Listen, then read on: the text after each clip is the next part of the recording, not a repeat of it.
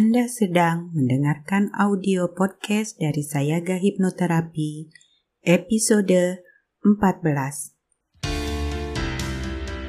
Selamat datang di serial audio podcast bersama Sayaga Hipnoterapi, institusi penyedia layanan hipnoterapi dan konseling profesional di Kota Bandung yang membantu penanganan berbagai masalah kesehatan, emosi, dan perilaku yang mengganggu kualitas hidup. Berpijak pada nasihat luhur, eling, waspada, lansayaga, serial audio podcast Sayaga Hipnoterapi hadir untuk membantu Anda menata kehidupan yang berkualitas secara fisik, mental, emosional, dan spiritual dengan sikap yang lebih berkesadaran, lebih berwaspada, dan lebih bersiaga. Serial audio podcast Sayaga Hipnoterapi menghadirkan inspirasi kehidupan yang diintisarikan dari berbagai keilmuan psikologi dan pengembangan diri yang juga diadaptasi dari kisah nyata para individu yang menjalani program terapi dan konseling bersama tim profesional dari Sayaga Hipnoterapi. Halo semua, salam jumpa dari saya Tuntun Yudianti.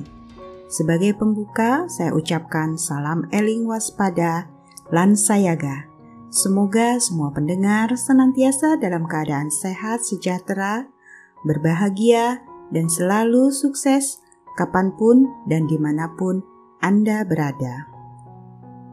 Pada podcast kali ini, saya akan membawakan materi tentang mengapa seseorang selalu berada dalam toxic relationship.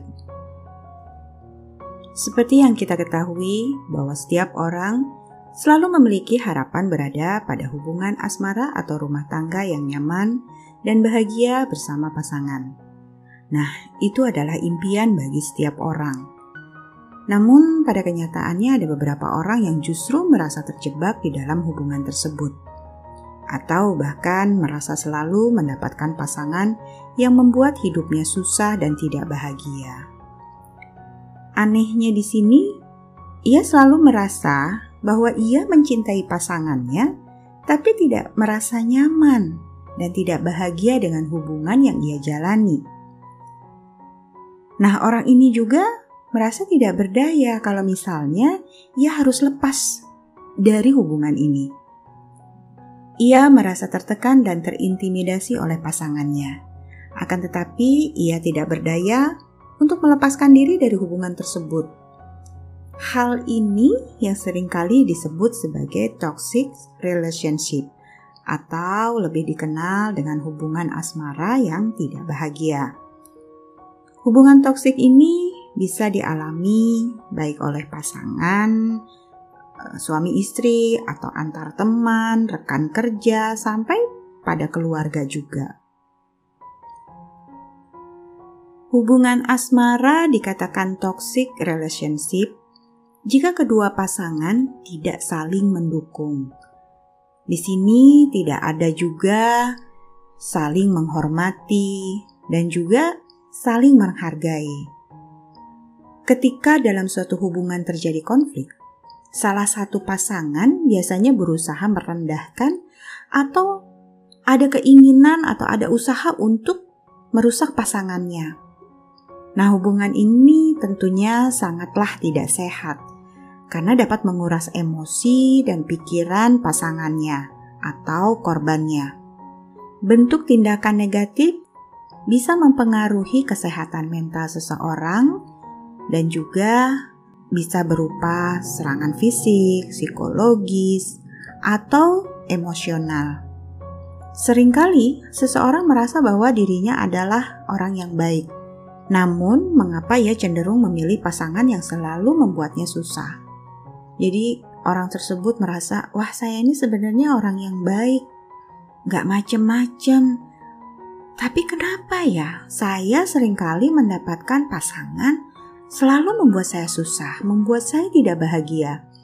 Tapi rasanya saya masih tetap mencintai dia walaupun si pasangan saya ini sering kali membuat saya terluka, membuat saya kecewa membuat saya tidak nyaman. Nah, inilah yang sering disebut sebagai toxic relationship tadi. Kenapa? Karena dia merasa terikat secara emosional bahwa orang ini yang sebenarnya saya cintai. Tapi kenapa ya kok dia jahat sama saya? Nah, biasanya orang-orang ini agak sulit untuk melepaskan ikatan hubungan dengan pasangannya tadi. Sebagai seorang psikolog klinis, sering kali saya mendapatkan beberapa klien dengan kondisi seperti ini. Baik klien yang masih remaja, dia memiliki hubungan pertemanan atau persahabatan, atau mungkin klien yang usianya sudah dewasa yang memang ada dalam hubungan pernikahan.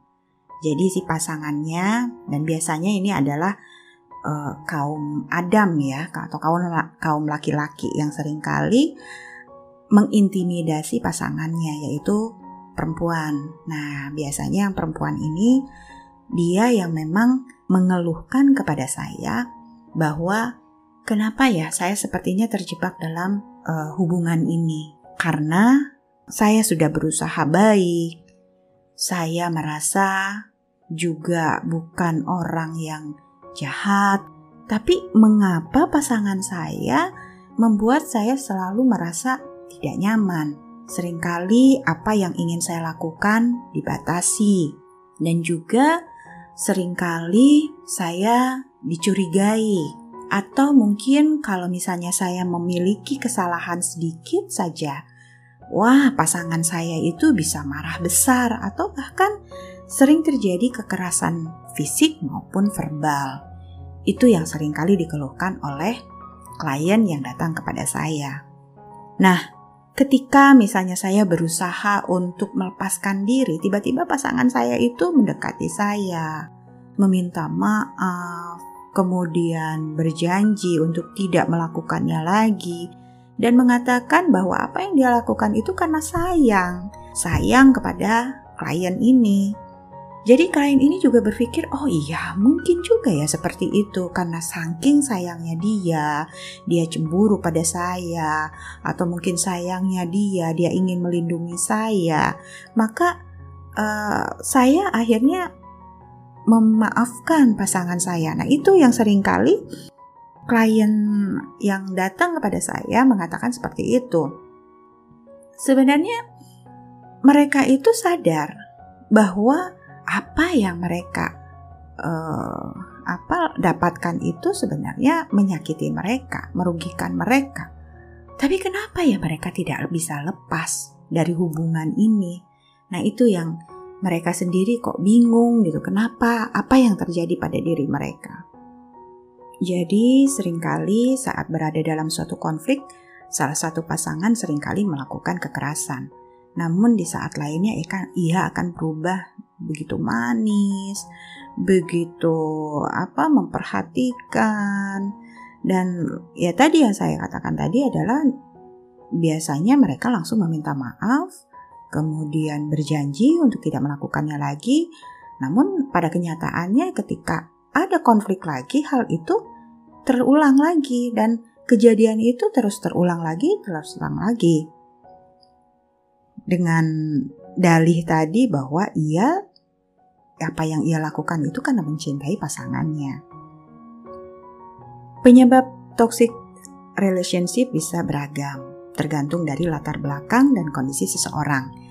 Perilaku toksik bisa dilatari masalah kesehatan mental, yang tidak terdiagnosa, seperti depresi, gangguan kecemasan, atau trauma. Hubungan yang tidak sehat ini bisa timbul karena ketimpangan kepribadian pasangan. Misalnya, orang yang berwatak keras dan suka mengontrol berhadapan dengan orang yang tipe suka mengalah, orang yang uh, apa bergantung kepada pasangannya. Nah, toxic relationship juga bisa muncul secara bertahap apabila salah satu pihak terus-menerus egois, tidak sopan, menuntut, dan bersikap negatif lainnya. Nah, kenapa sih toxic relationship bisa terjadi pada seseorang? Jadi, saat seseorang mengambil sebuah keputusan, otak manusia ini sering kali dipengaruhi oleh otak emosi daripada otak logika. Kita tidak tahu kenapa kita cenderung memilih itu, tapi yang jelas ada feeling yang membuat kita membuat suatu keputusan. Di masa anak-anak adalah masa proses pembentukan respon otak emosi, di mana mengajarkan tentang mana yang bahaya, mana yang tidak bahaya, mana yang disuka, mana yang tidak disuka, mana yang baik, dan mana yang tidak baik. Respon ini kelak saat anak dewasa akan menjadi pemandu otomatis. Nah, hal inilah yang disebut sebagai intuisi. Tapi pada kenyataannya, intuisi ini tidak selalu benar. Karena kalau pembentukan intuisi ini salah, maka responnya ya jadi salah. Pembentukan intuisi ini akan menjadi sistem belief atau keyakinan pada anak bahwa hal itu adalah benar. Pembentukan ini terjadi pada masa kandungan hingga usia 7 tahun. Celakanya jika ia selalu diajarkan oleh orang tua tentang kekerasan, selalu diabaikan, tidak dicintai, dan minim perhatian, maka ia akan memaknai bahwa cinta harus selalu dengan menerima perlakuan kekerasan dan tidak menyenangkan dari orang yang ia percaya, dari orang yang dekat dengan dia, yaitu orang tuanya tentunya. Saat orang tua berlaku kejam, maka tidak ada pilihan bagi si anak selain memaafkan orang tuanya, karena dia merasa bahwa orang tuanya ini adalah orang yang akan melindungi dia, walaupun ia atau orang tuanya ini melakukan kekerasan pada dia, baik itu mungkin kekerasan fisik atau verbal. Dia akan memaafkan apa yang orang tua lakukan terhadap dia. Ia akan melupakan perbuatan orang tuanya terhadap dirinya, dan ia akan menekan ingatan itu dalam-dalam, dan kembali lagi mencintai orang tuanya. Dan itu ia lakukan terus-menerus sampai pada akhirnya dia memiliki kepercayaan atau memiliki keyakinan bahwa cinta itu adalah seperti itu, kasih sayang itu adalah seperti itu. Kasih sayang yang memang orang yang ia cintai, yang ia dapatkan adalah memang dengan harus dengan kekerasan. Kalau terjadi terus-menerus, maka ia akan terkondisi untuk cenderung mencintai seseorang dan memilih pasangan yang sama kejamnya dengan orang tuanya nanti di masa depan. Nah, hal inilah yang pada akhirnya si anak ini di masa dewasanya akan memilih pasangan yang selalu menyakiti dirinya. Itu tanpa dia sadari, walaupun misalnya di pikiran sadarnya, dia sudah punya pilihan bahwa laki-laki yang dicintainya adalah harus seperti ini, seperti ini, harus baik, harus memperhatikan. Tapi pada kenyataannya, yang ia dapatkan adalah yang sama persis dengan orang tuanya lakukan. Nah, mengapa hal ini terjadi? Hal ini terjadi dikarenakan pemandu otomatisnya mengatakan bahwa orang ini tidak cocok buat kamu. Bukan yang itu, tapi yang ini. Dan meskipun otak logikanya mengatakan bahwa pasangan yang baik itu adalah tadi yang saya sebutkan bahwa mampu menghargai, mampu menyayanginya dengan arti kata yang sebenarnya. Tapi tetap saja kata hatinya memilih yang lain yang sesuai dengan rekam memori pikiran bawah sadar dia. Maka dari itu, berilah pengalaman yang menyenangkan pada anak. Pengalaman bahwa dirinya dicintai, dihargai, dan diterima sebagai individu yang berharga bagi orang tuanya.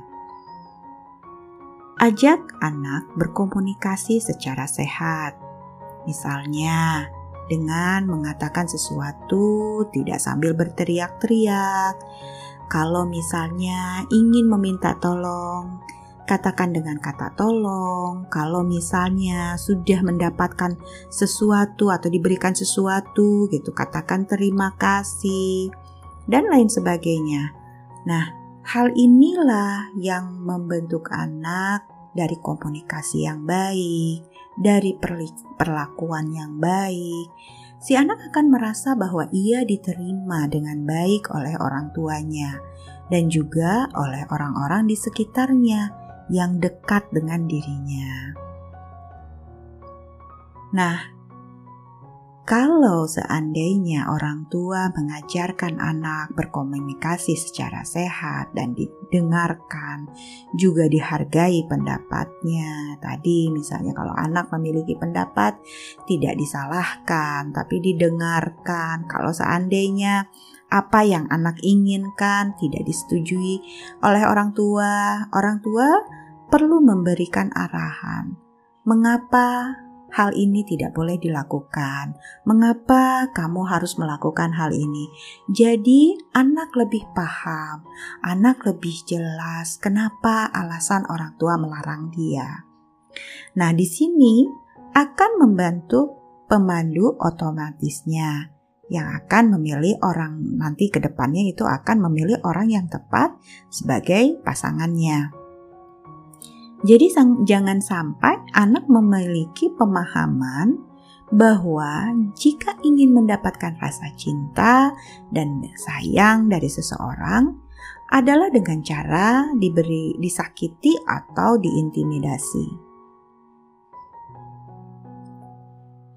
Nah, jangan sampai anak memiliki pemahaman bahwa jika ingin mendapatkan rasa cinta dan sayang dari seseorang adalah dengan cara disakiti atau diintimidasi oleh pasangannya. Dan ia akan selalu memaafkan pasangannya walaupun sudah berkali-kali menyakiti dirinya. Nah, itulah yang harus dilakukan bagi para orang tua agar anak-anak kita saat dewasa bisa hidup tenang bersama pasangannya, ajarkan rasa cinta, rasa kasih, rasa sayang, dan juga menghargai anak sebagai individu yang memang patut untuk dihargai. Demikian penjelasan dari saya mengenai mengapa seseorang selalu berada dalam toxic relationship, Anda sebagai orang tua dapat mencoba apa yang sudah saya sampaikan tadi, dan untuk selalu memberikan pengalaman yang menyenangkan kepada anak. Semoga bermanfaat. Terima kasih. Sampai jumpa di audio podcast saya berikutnya. Salam eling waspada, Lansayaga. Dapatkan lebih banyak inspirasi menarik lainnya dengan ikuti Instagram @sayaga.hipnoterapi dan podcast channel Sayaga Hipnoterapi. Kunjungi juga website www.sayaga-hipnoterapi.com untuk temukan lebih banyak informasi menarik lainnya, termasuk untuk memesan layanan hipnoterapi dan konseling bersama para tim profesional dari Sayaga Hipnoterapi di Bandung untuk membantu Anda menangani berbagai masalah kesehatan, emosi, dan perilaku yang mengganggu kualitas hidup. Mari menjalankan kehidupan yang eling, waspada, lan sayaga.